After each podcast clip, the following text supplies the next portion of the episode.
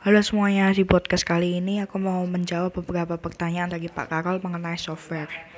Pertanyaan pertama nih, pendapat aku mengenai artikel tersebut. Yang pertama pasti malu karena Indonesia mendapat peringkat ketujuh dari 32 negara yang menggunakan software komputer bajakan paling banyak.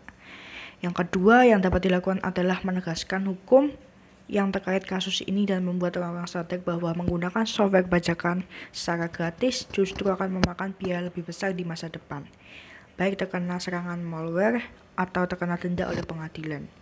Yang ketiga, salah satu cara untuk menghindari pembajakan software yang saya tahu adalah membeli software berlisensi atau original.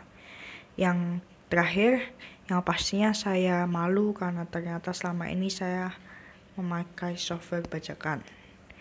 Sekian jawaban dari aku. Makasih buat yang udah dengerin sampai akhir.